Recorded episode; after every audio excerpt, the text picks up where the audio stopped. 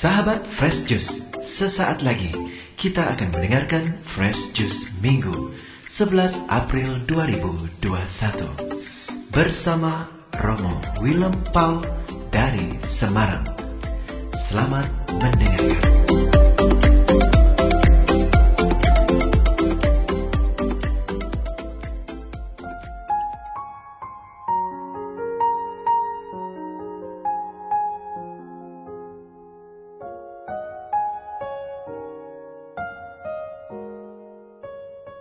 Berkah dalam para sahabat Juice, salam sehat.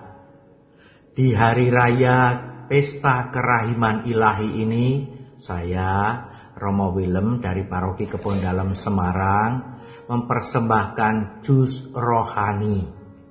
Kata-kata kunci yang saya tawarkan adalah, Yesus beneran kah?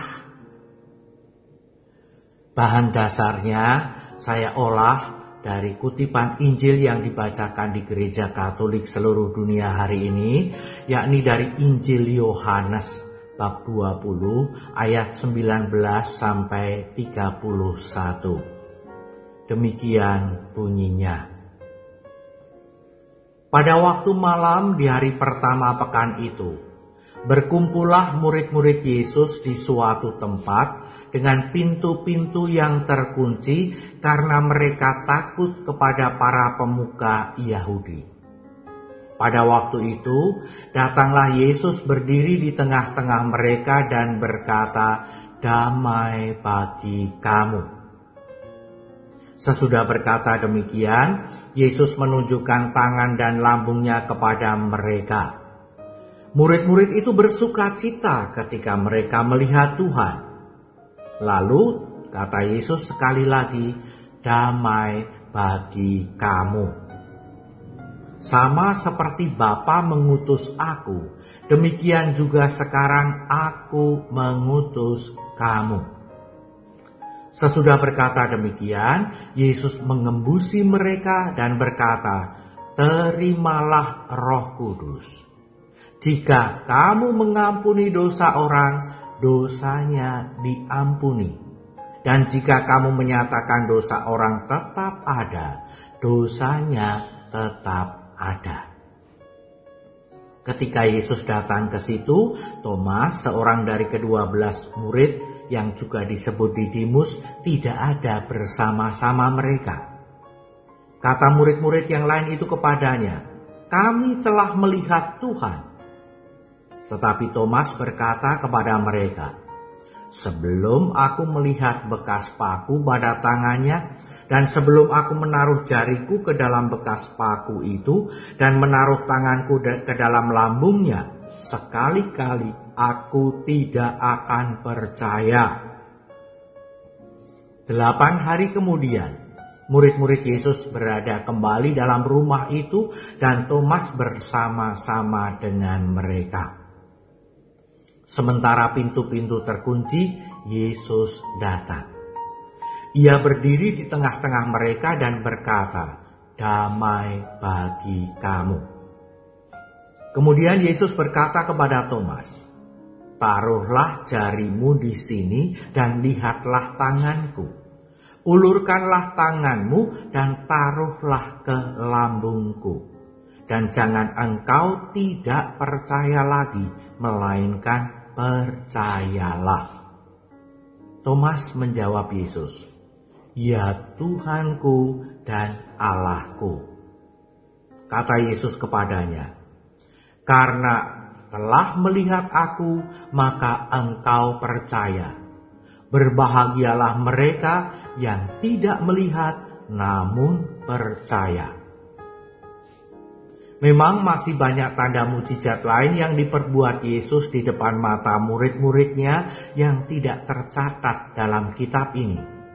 Tetapi hal-hal ini telah dicatat supaya kamu percaya bahwa Yesuslah Mesias Putra Allah. Dan supaya karena percaya kamu memperoleh hidup dalam namanya. Demikianlah Injil Tuhan. Terpujilah Kristus.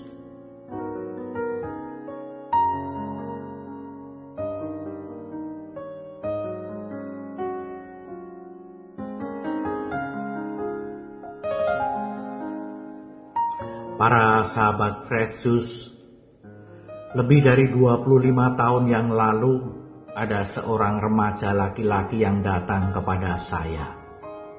Dia tidak Katolik. Dia mengatakan, "Pak Romo, Yesus datang kepada saya." Wah, ini ya membuat saya iri loh. Para sahabat Yesus iri enggak?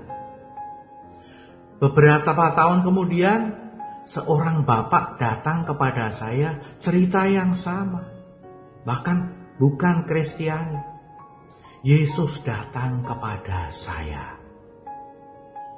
Saya jadi pikir-pikir, ini kok yang datang didatangi Yesus kok justru bukan orang-orang Katolik. Jangan-jangan orang Katolik itu semua berdosa dan tidak pantas didatangi oleh Yesus ya?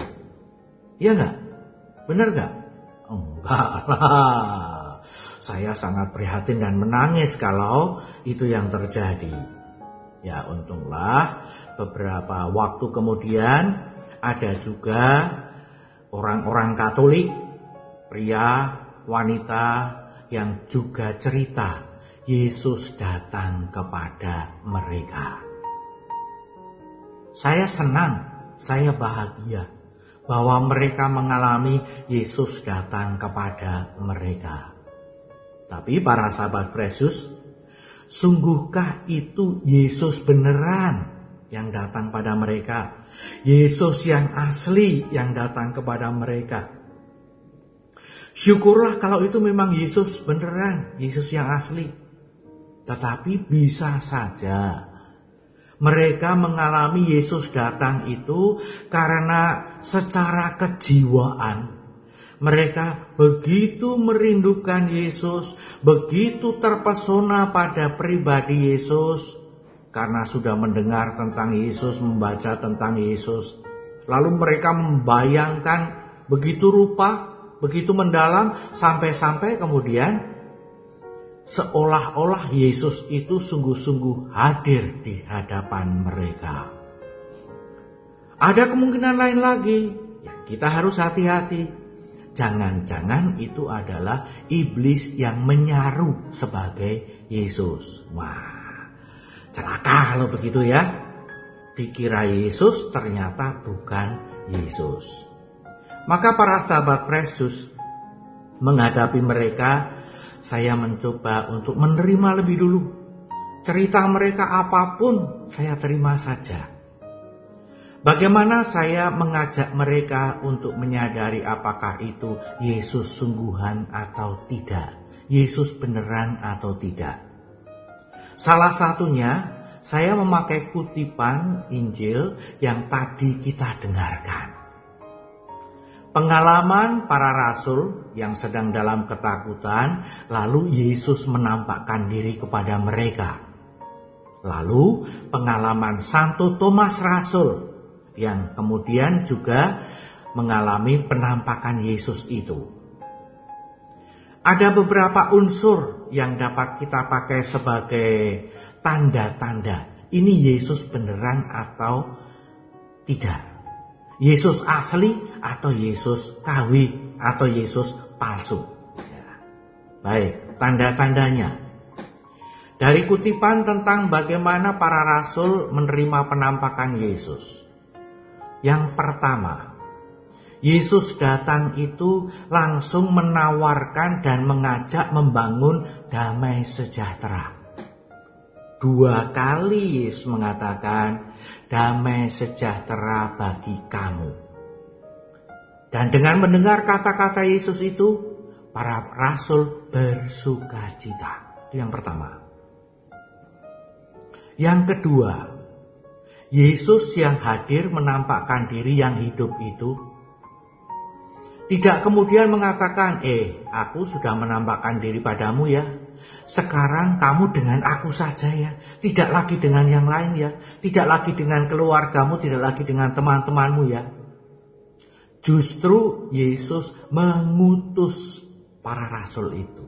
Mengutus mereka kepada siapa saja. Jadi ada unsur mengutus. Mewartakan kerajaan Allah. mengutus membangun kerajaan Allah. Yang ketiga, Yesus yang hadir itu menganugerahkan Roh Kudus.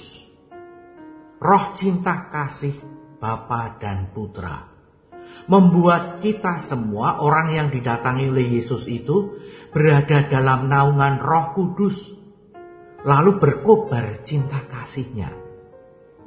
Nah, kalau mengatakan didatangi oleh Yesus tapi masih dendam, masih mau membalas, masih mau melawan orang lain, nah, ini bukan Yesus yang beneran.